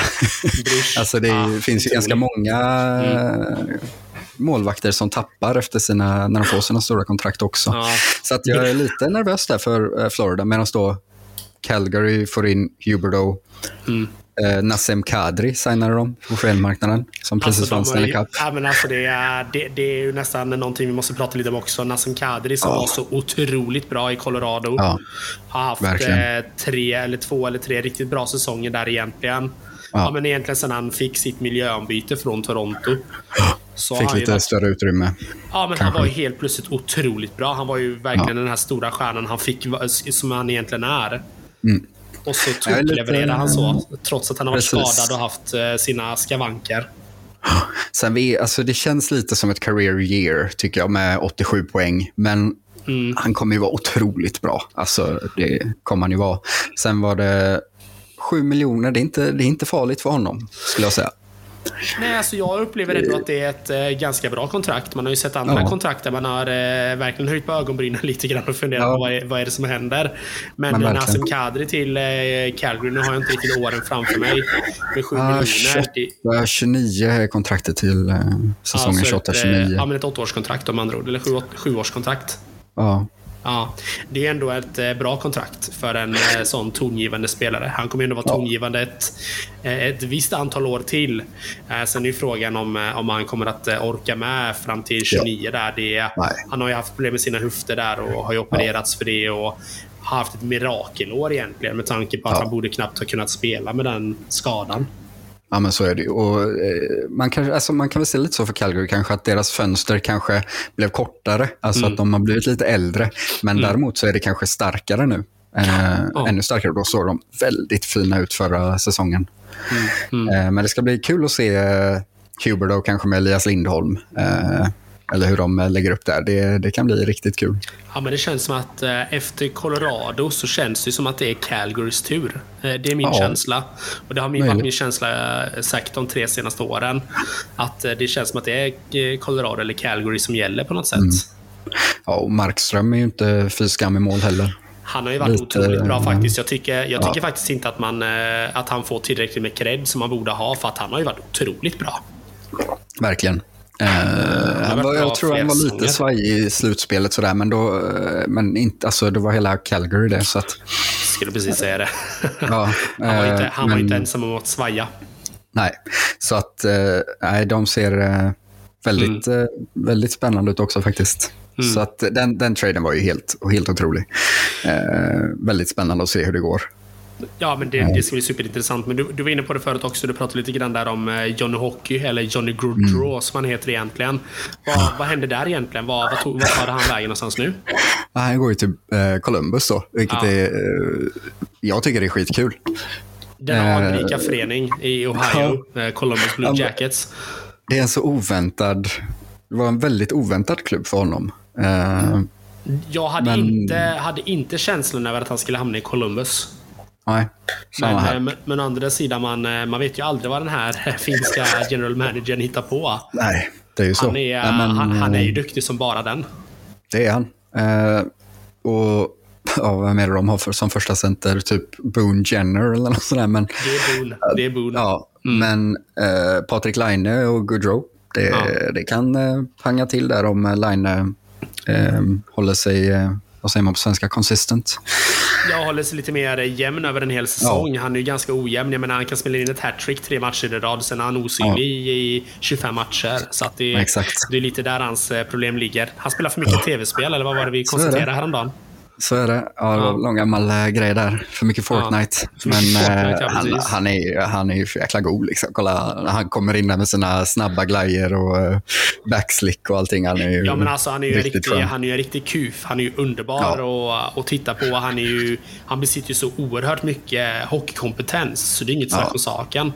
Men, eh, men man hoppas ju nu. Jag menar det finns ju en anledning till att han blev tradad från, eh, från, från Winnipeg. Så är det ju. Eh, Så att han måste ju, han måste ju skärpa till sig där. Så är det. Ja, det, blir, eh, det blir intressant att följa de här, eh, de här gubbarna. Det har varit, som Mm. du säger, det är en spännande säsong som vi, som vi väntar oss. Ja, Sen tycker jag att det är en del lag som har varit var ganska anonyma i trademarknaden. verkligen. Det, det har om det vi bara får flika in Rangers. Har de ens värvat någon? Tradat? Ja, de tradade ganska nyligen. eh, Vad heter han? Nils Lundqvist ju. Det är Ja, lite kul. det, det såg jag ju. Han gick till eh, Dallas. Dallas, ja precis. Och det blir ju bra för Nils Lundqvist. Då får han ju lite, lite speltid och lite möjlighet att faktiskt kunna få blomma ut. Han har ju inte riktigt fått den chansen i, i Rangers där under. Du har ju ganska bra Gerard. koll ändå på äh, Swell där. Han, han är duktig va?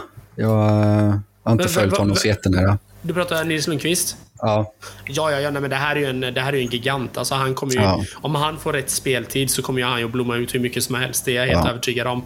Men han behöver ju rätt omgivning och han behöver ju få Mm. eh, Han behöver också få speltid. Ja. Jag, tr- jag tror att han eh, verkligen kan få blomma upp där för att eh, Dallas är ju inte Alltså de är ju ett lag som är att räkna med när det gäller de här grejerna. De är ju duktiga på att utveckla sina produkter och, Mm. Och sina ungdomar, om man får säga så. ja och de tappade ju äh, John Klingberg, högerfattad. äh, Ja. Mm. Back där, så får de in Nils Lundqvist nu då istället. äh, Kanske inom ett par år där. Äh, och de har ju också han, ja, om de kan signa honom, Jason Robertson.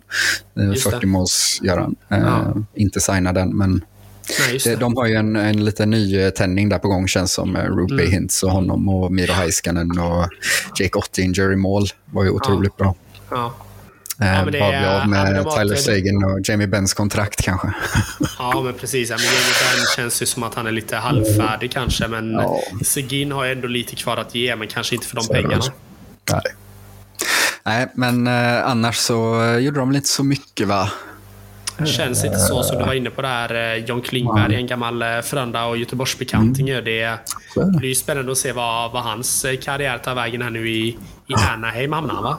Ja, precis. Ja, det, är ju, Ja, det blir spännande med Trevor Seagrass. Där har vi en, eh, en favorit alltså. Ja, vilken personlighet han är också. Det är roligt. Han är Eh, fin. Behöver mer sånt. Verkligen. Han är, han är kaxig på ett ödmjukt sätt. Jag vet inte hur det går Ja, ihop. men lite så. Nej. Han är, han är underbar. Han är underbar. Eh, jag tänker bara att vi lite snabbt bara ska gå igenom. Vi hade ju under förra veckan här hade vi ju både PK Subban, Keith Yandel och eh, Zdeno Jara. Som samma dag dessutom valde att eh, lägga lägga skridskorna på hyllan. Ja. Jag, kan, jag kan väl helt villigt erkänna Adam att jag tycker att PK Subans eh, upphängande av skridskor eh, mm, kom som en liten överraskning i alla fall. Vad, vad känner du kring, eh, kring dessa herrars eh, eh, ja, retirement? Ja, nej, men Subban var faktiskt oväntad. Eh, det, det kändes som att han, det var ju lite snack om kanske typ Toronto eller något sånt där. Eh, Mm. På kanske mm, en miljons kontrakt. Han, han har ju varit väldigt eh, högt betald eh, ja. de senaste åren och kanske inte levt upp till det kontraktet. Nej. Men Nej. Alltså det känns som att i ett, i, ändå i ett omklädningsrum eller så här att han, han har ju otroligt, en otrolig personlighet. Och, eh, alltså det känns som att han skulle vara bra i, ett, i laget. Mm, mm. Att eh, man skulle vinna mycket bara på att ha honom där, även om han inte ens spelar så mycket. Men det kanske är det han, han kanske har, alltså inte är värt det längre. Om han inte kan leverera, om han inte känner det att eh, han, eh, jag vet inte hur mycket de tjänar eh, i eh, paneler i tv och sådär, men han kanske får några fina kontraktserbjudanden därifrån. Jag tänker väl att han garanterat kommer att få något mediakontrakt med någon, eh, någon stor drake, säkert TSN eller så. Ja, om han vill så får han ju det. Alltså, Ja, han går inte och- arbetslös, gör han ju inte. Nej, nej. Och han, jag, jag tror att varit, även han, precis som Seagrass, skulle han vara väldigt viktig för NHL att kunna bredda sig. För att eh, om man kollar på de här eh, typ basketsändningar och eh, amerikanska fotbollssändningar, NFL-sändningar och sådär, de har ju ett gött snack i studion där mellan gamla spelare och har NHL? Man tar in Gretzky som är det största namnet, men han är ju inte jätterolig. Alltså, han är inte speciellt bra i tv, är han ju inte. Nej, Eh, utan då det är ju- namnet då man har där. ju- Precis, det finns ju andra personligheter som är mycket mer eh, färgglada, eh, om man får säga Precis. så, och, och lyssna på. Eh, det kanske är väldigt farligt ute när jag säger färgglad, men, jag tänker direkt på Kevin Weeks. Han är ju otroligt intressant att lyssna på. Verkligen. Och jag tror att det är viktigt för, för deras community också. Ehm, Exakt. nu kanske jag får förklara mig här vad jag menade, men både Kevin Weeks och Piqué Subban är ju, är ju två mör- mörka före detta spelare som NHL har haft och det är ju viktigt att, eh, att den liksom legacyn ändå lever kvar. Eh, och det, eh, det, det finns ju ganska, de är ju väldigt underrepresenterade. Så är det ju. Extremt. Eh, och, Eh, eh, och- För att få folk att bli intresserade så behövs ju två personligheter som är starka. Och, de har ju verkligen. jobbat, och de har jobbat väldigt mycket för just det. Ja. Eh, Jag vet att Piqué Subban, bland annat, han har ju haft ett sjukhus som han har bedrivit i princip i Montreal. Precis. Eh, Precis. Så, att, eh, så att de jobbar ju mycket med communityn överhuvudtaget, överlag för att liksom visa och få in folk och, och skapa intresse. Jo, men så jag tror att det är väldigt viktigt att man inte förglömmer det. Att det, är- det, det är ju lätt att det bara sitter en sorts eh, människor i tv-rutan, men, men alla är ju viktiga.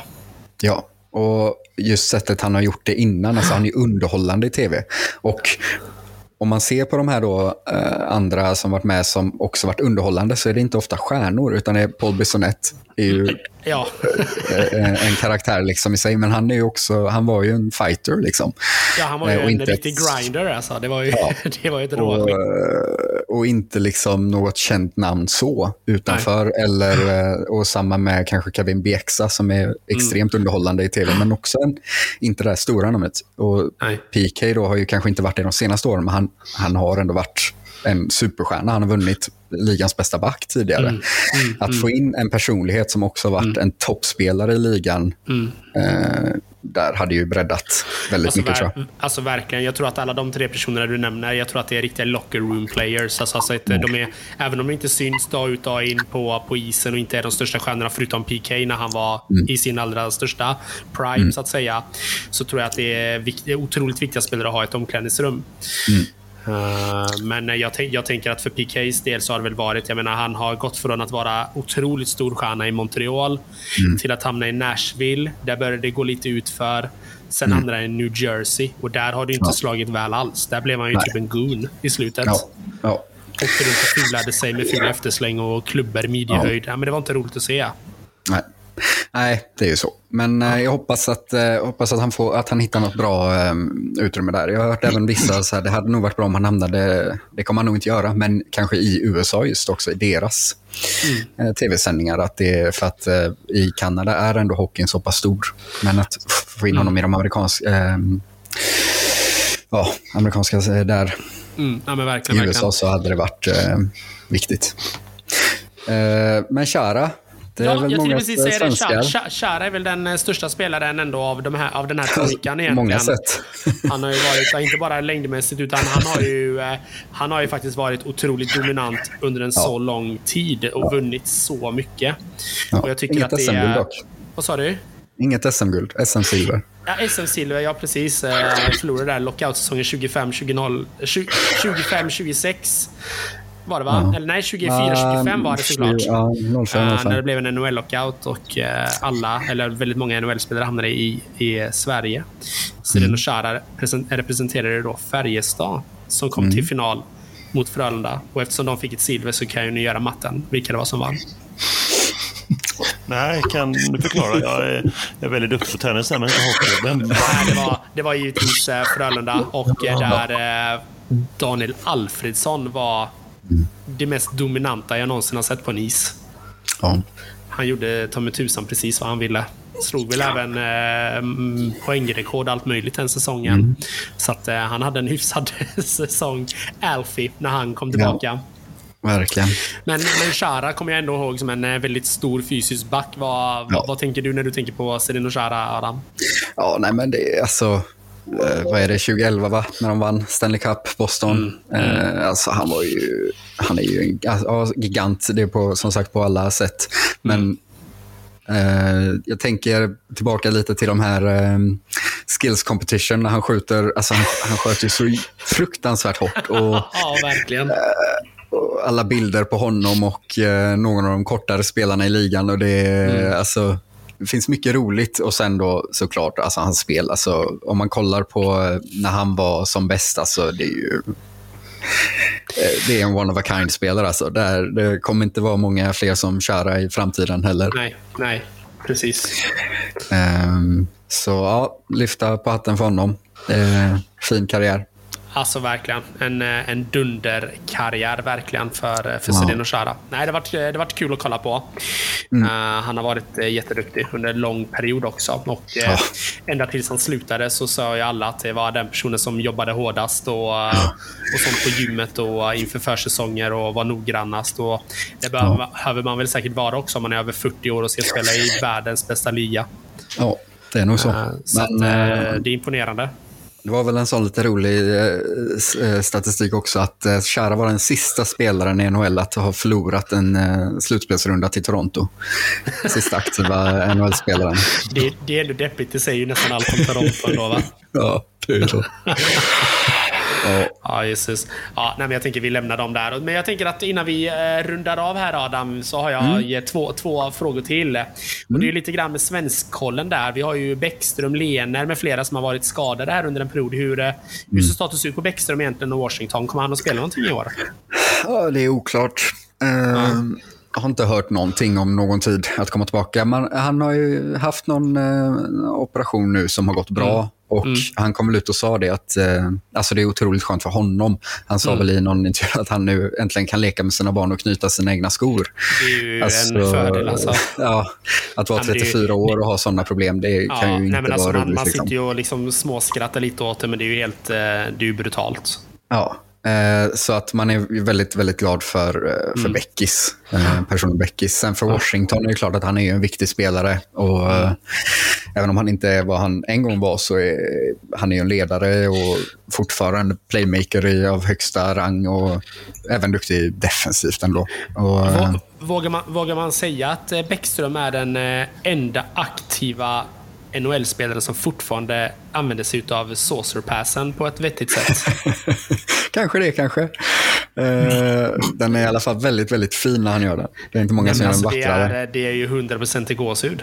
Ja, det är... Jag innehåll, så jag undrar vad är det för någonting? En saucer pass är när man har... Eh, om, man, eh, om vi säger nu att Niklas Bäckström har pucken. Istället för att bara lägga en pass efter backen, som är ganska standard, så är ju en saucer pass när man lägger en puck, en, liten, en, liksom en flipp på pucken, så att pucken hoppar över eh, motståndarens ah. klubba och landar mitt på medspelarens klubba så att det bara är att mm. raka in den. Där skulle jag ändå vilja påstå Adam att eh, Bäckström är fortfarande bäst i världen på ja. att göra. Eh, och kanske den enda som verkligen levererar dem på ett vettigt sätt. För att saucerpassen, den använder man ju inte riktigt längre. För man har ju bytt Nej. väldigt mycket teknik med hur man passar och sånt nu. Uh, och jag, bara för någon vecka sedan så såg jag hur, hur en, en coach instruerade hur man passar pucken. Och då pratade han om att man gör inte saucerpass längre, utan det ska vara raka rör. För att, mm. för att hockeyn går för fort. Men mm. Bäckström är ju fortfarande exceptionellt duktig på att få spelet att se ganska långsamt ut när han har pucken. Mm. Och det är för att han är så för förbannat bra på att skapa sig ytor. Ja. Han är otrolig. Sen så eh, underlättar det ju när man gör sådana att man har Ovechkin i slutändan av de passarna också. man snackar om att lägga de passarna så är han också väldigt bra på att ta emot dem med ett slagskott. ja, men han står ju där med sin gjutjärnsklubba är bara på. Det är, det, är, det är man i 10 av 10 liksom. Ja, Nej, det, så att det, det är ju så. Det är ju tufft för Washington att tappa honom. Och sen mm. så, eh, även för Washington, om man går in där, så är det ju din eh, favoritspelare Tom Wilson är också borta fram till eh, jul ungefär. Oh, nej. Eh, så att eh, de tappar ju viktiga spelare där. Men jag tycker ändå att de har gjort bra tillfälliga lösningar. Eh, Dylan Strome från Chicago, där ju, eller ja, senast mm. i Chicago. Jag tror att han kan absolut göra ett bra jobb som andra center bakom Kuznetsov. Mm. Ändå. Och de tog in, vad heter han nu? Connor Brown va, från Ottawa. Mm. Eh, som jag tror ändå kan göra ett, ett eh, bra jobb eh, i Wilsons frånvaro. Och mm. Sen då kommer Wilson tillbaka så får man ett extra djup. Och kommer sen då Beckis tillbaka så har man ju väldigt fint djup på Ja, centerposition. ver ver verkligen, verkligen. Nej, men alltså, jag måste bara fylla i här med, med Strome. Det är ju... Vilken värvning. Ja, det, han, han, han har ju varit jäkligt duktig med typ Patrick Kane och de här. Eh, Så att, att se vad han kan göra med kanske lite sämre. Men hittar han kemi med Manta eller Oshie eller vem det nu blir med. ehm, så det kan eh, helt rätt väg att gå. Eh, ta, in dem, ta in honom på marknaden eh, Ja. täppa till. Och är det så att Beckis kommer tillbaka till slutspel, eh, att det dröjer så länge, eller om han ens kommer tillbaka, men eh, till slutspel så kanske man kan ha honom på injury reserved, ta in Mm. lite fler spelare utan hans, eh, att hans cap hit försvinner. Just det. Och eh, då, då kan det bli farligt att möta kan bli, Washington. det, det kan bli verkligen jätteintressant för, för Washington. Men, Men, eh, eh, då ska de klara sig också fram tills eh, dess utan Wilson och Beckis. Och det är Ja, men svårt precis. nog. precis. Ja, men det, det, det förstnämnde lär inte vara några problem. Men Beckis, där, där kan man ju ha problem på riktigt. Ja. Och så får vi se hur Kemper håller. Ja, men precis. målet. precis om, om, om han ser något när han ska rädda puckar. Exakt. Ja. Men eh, jag tänker bara, vi måste ju också nämna Lener. Eh, Det var ju eh, Vegas Golden Knights som gick ut med att eh, ganska många spelare inte skulle spela alls den här säsongen. Mm. Och en av dem var ju eh, Lener. Vad, vad är det som hänt med Lener? Ja, han, hade, han hade väl någon operation i våras, va? Ja, lite dålig, dåligt eh, här. Men de, och de ville inte att han skulle operera sig. Alltså, han har ju varit med om allt, stackarn. Alltså, Ja. eh, med att, han inte, eller att man inte ska göra mental hälsa och allting. Ehm, så att, eh, cred, eh, att han nu får göra det, eller att han, att han tar det steget och bestämmer det. precis. precis. precis. Ehm, men jag har lite dålig koll på vad det är för eh, operation han ska göra. Men eh, borta hela säsongen säger de. Ja, det, är, det är ju ett otroligt tapp alltså. De har ju inte heller riktigt ersatt honom. Eh, de har Nej, tagit de in har- Aiden Hill, typ. Vem är det? ja, exakt. Eh, och så. Och om jag minns rätt så var det väl även Shay Theodore som var borta, va? ja, stämmer. stämmer. Eh, frågan om det är slutspel på dem. Ja, nej, jag tror inte det är det. Alltså. Jag känner att de har nästan lika stor slutspelschans som eh, San Jose. Inte heller så hög. Eh, nej, Men eh, San vad- Jose har ju visserligen tappat Aiden Hill. Ja, just det. Just det. De tappade den här stjärn- stjärnmålvakt som jag aldrig har hört talas om. Eh, ja, nej, det, blir, eh, det lär bli väldigt intressant, men Mm. såklart tråkigt att två stora svenska namn missar Ja. stora delar av säsongen. Hur som helst. ja. Lener är väl större chans att han i alla fall kommer tillbaka. Beckis har det ju varit snack om om han inte ens kommer kunna komma tillbaka Nej, till NHL. nej, men det är det jag menar. Han kanske avslutar karriären och det vore ju otroligt tråkigt. Eh, Ja. Å andra sidan så kan han ju glädjas över den otroliga skalp de tog där 2018. Så är det. De fick fira med sina fans och sen var det corona för hela slanten. Så att, eh, Nej, men- ja, nej, vi, får, eh, vi får verkligen hoppas att han kommer tillbaka här, Beckis. Ja, så är det. Adam, jag tänker nu är vi framme här vid, eh, vid dagens eh, sista fråga här i vår eh, goa frågestund. Och jag tänker säsongen 2022-2023, vilka, vilka vinner? Lätt fråga. Det är en lätt fråga. Den frågan finns ju ändå bara 30 plus att välja på. ja, exakt. Jag tycker den här säsongen är en av de absolut svåraste att ha någon aning om. Ja. För att om man... Colorado och Tampa kommer vara med. Det, det vågar man väl nästan ändå säga, om, om inte de får eh, massa skador. Ja. Eh, Colorado har ju tappat eh, Kadri då och eh, Kemper. Men han har tagit in eh, Georgiev från Rangers. Tror ändå att han kan eh, steppa upp där också med bra försvar som vi snackade om. Mm. Eh, och Tampa då, alltså har du, ett, har du Point, Kucherov, Hedman och Vasilevski som en, en grund och många andra bra spelare så eh, ska man inte betta mot dem. Nej, det är nog svårt. Alltså, jag tror inte folk förstår hur bra Braden Point är. Nej. Alltså, han, är- gör ju mål på precis det han vill. Ja, så är det. Och, Och- och även... poäng. eh, ja, ja, men Överlag. verkligen. Och även Anthony Cirelli, eller vad han nu heter, i andra centern eller vad det är han är nu. Eh, en av ligans bästa tvåvägscentrar. Mm. Mm. Eh, så att, eh, ja, nej, väldigt bra. Och så Steven Stamkos då bara på kanten där. Ja, precis. Eh, Bara. Ja, nej men jag, jag tror att västra konferensen så är det lite, alltså jag tycker inte att de lagen har förbättrat sig enormt, de topplagen i alla fall. Nej. LA tog in Fiala, Ja. Eh, Det kommer bli bra. Vet inte om de är redo att eh, vinna, men bra. Vegas har ju sagt, lite tveksamt. ja, precis. Nashville lyckades hålla kvar Forsberg. Eh, tog in Ryan McDonough. Bra, men eh, St. Louis, Minnesota, hur, hur mycket har de blivit bättre? Eh, vi har ju Emils favoritlag, Seattle Kraken. Ja, det kommer de ju. Det var, det var min fråga som jag satt här och laddade med. Jajamän. De, eh, de har ju ändå tagit in eh, Oliver Björkstrand på en väldigt bra trade. Eh, Han är ju extremt duktig tvåvägsytter och målgörare. Ehm, Så de har ju förbättrat sig. Så att de här lagen som var lite lägre ner i västra har förbättrat sig, men topplagen har inte gjort det. Kanske märkvärdigt. Medan i östra konferensen känns som att alla är slutspelslag helt plötsligt. Ja, det tillhör inte riktigt vanligheten att det är på det sättet. Nej. Tolkar jag det rätt nu Adam när du säger att eh, Seattle kan vinna NHL? Nej, Nej, kanske inte riktigt. Men jag övertolkar det kan man säga. Ja. lite lätt. Men om, man, om vi går tillbaka till förra avsnittet pratade vi om deras framtid och den, jag var väl lite halvdyster mot den. Men i draften fick de ju Shane Wright som rankades som etta och en till center. Så att, ja, nu ser jag ljusare på det. Eh, jag tror att de har en bra framtid. Ja. Men Ja. om man Tar vi kollar på... NHL-guldet kanske om tre år. Ja. ah. 5 till 10. En vis framtid. En, en fin framtid. Ja, tack. Ja. Eh, nej, men kolla på Ottawa, vad de har gjort i, i sommar. Alex de Brinkat, Claude Giroux. Alltså, det, det, är helt, det är också helt galna värvningar givetvis. Jag trodde inte The Brinkat skulle hamna i Ottawa. Nej, nej. Och gan relativt billigt ändå. Alltså visst, sjunde valet overall, men det var en lite svagare draft. Alltså, varför ville Chicago bli av med honom? Nej, jag förstår inte, men det måste ha varit cap space, eller? Nej, jag vet inte vad... eh, Jag tror inte det egentligen. Så här, eh, att de släpper Dylan Strome och The Brinkat när man ska göra en rebuild, att släppa de unga spelarna. Ja, men det, ja, men jag förstår, jag förstår för att- inte riktigt det. Speciellt inte The Brinkat. Alltså, Nej. Strome är ju en sak med The Brinkat som sitter inne på så otroligt mycket. Ja, jag, Mm. jag, jag har väldigt svårt att förstå den uh, traden faktiskt. Eh, Frågan är ifall det är för att tvinga ut, så att säga, Taves och Kane.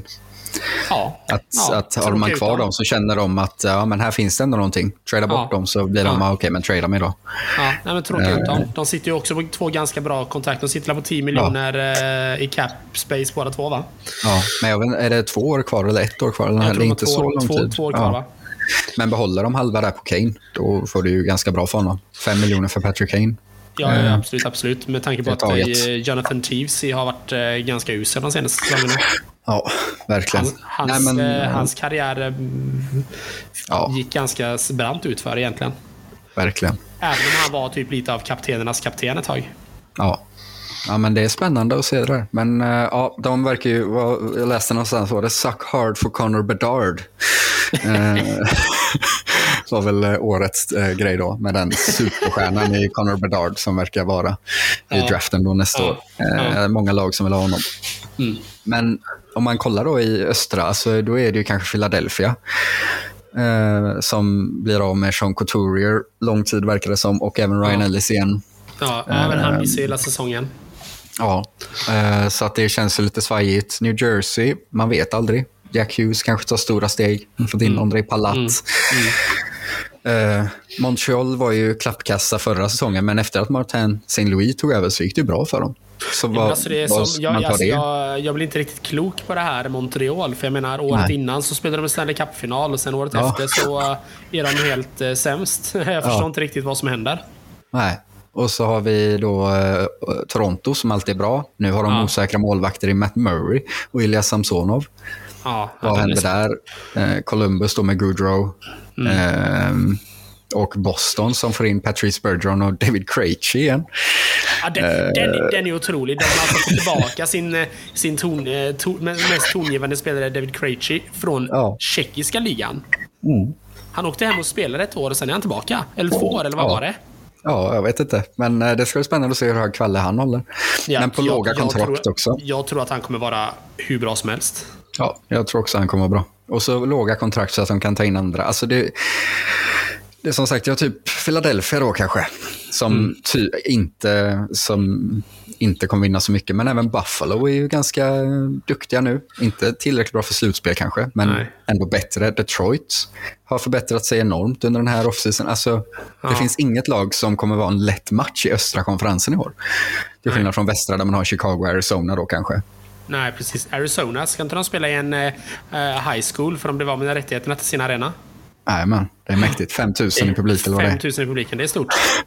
om de spelar sina kort rätt också tror jag de kan göra det till en väldigt bra grej. Alltså locka dit folk och skapa en bra stämning. Alltså lyckas de få ihop någonting där så, men det är ju väldigt svajigt. Men det är ju fortfarande helt overkligt att vi har ett lag som inte kommer ha mer än 10 000 på läktarna. Inte att de hade det ofta innan heller. Men, eh, men att det inte ens finns 10 000 stolar. Nej, Det är ju nej. ett... eh, Alltså, undra vad, eh, undra vad ägarna känner kring det egentligen. Nej, det är nog inte jätte, jätteglada miner där. de, det är inte nog de gladaste tillropen, tror inte jag. Nej. Men även om vi äh, återigen med lagen där, Rangers också, äh, kommer Crider göra 50 mål i år.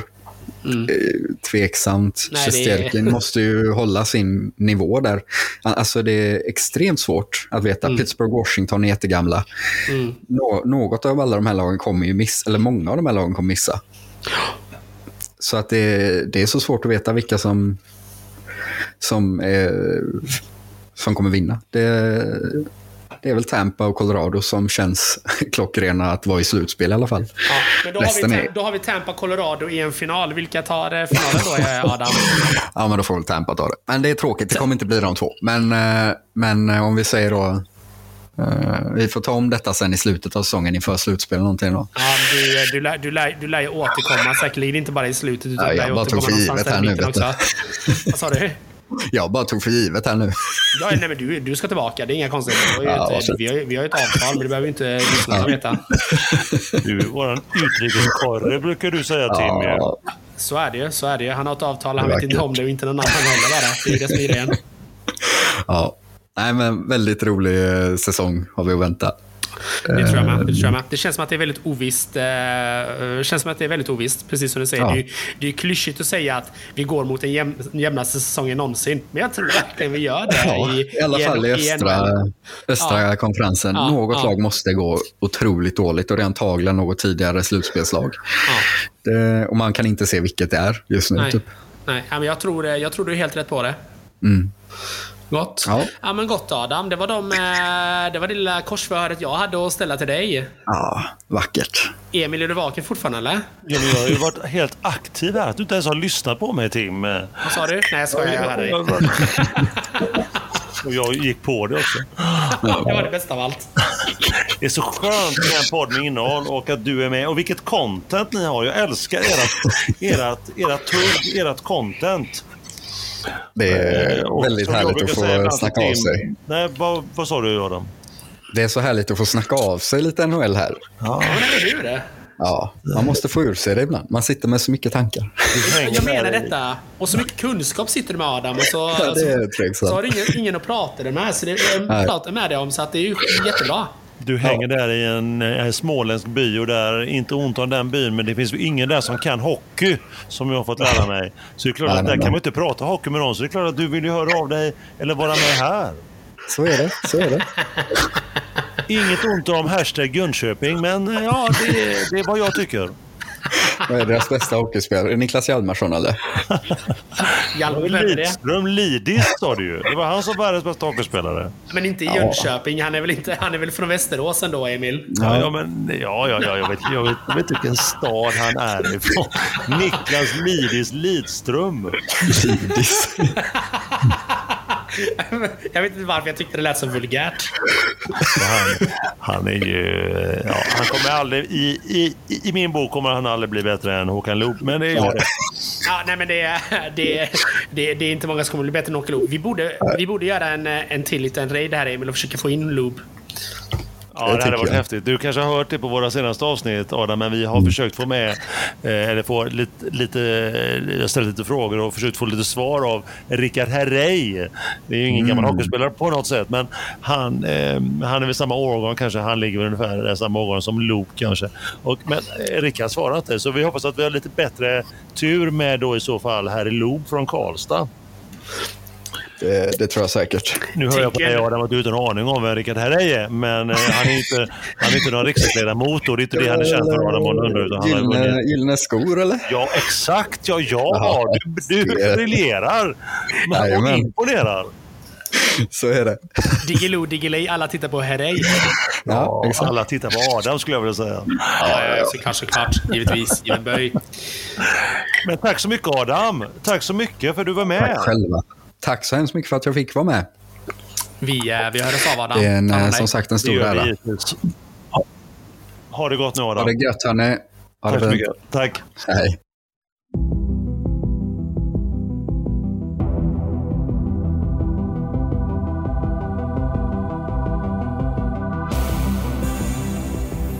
Underbart! Eh, Vilken, vilken här intervju vi fick till med Adam. Eller intervju, intervju. Han är ju våran utrikeskorrespondent. Så att det här var ju allt man hade att eh, förvänta sig när, eh, när Adam träder in i, i podden. Eller vad, vad säger du, Eda? Ja, Emil?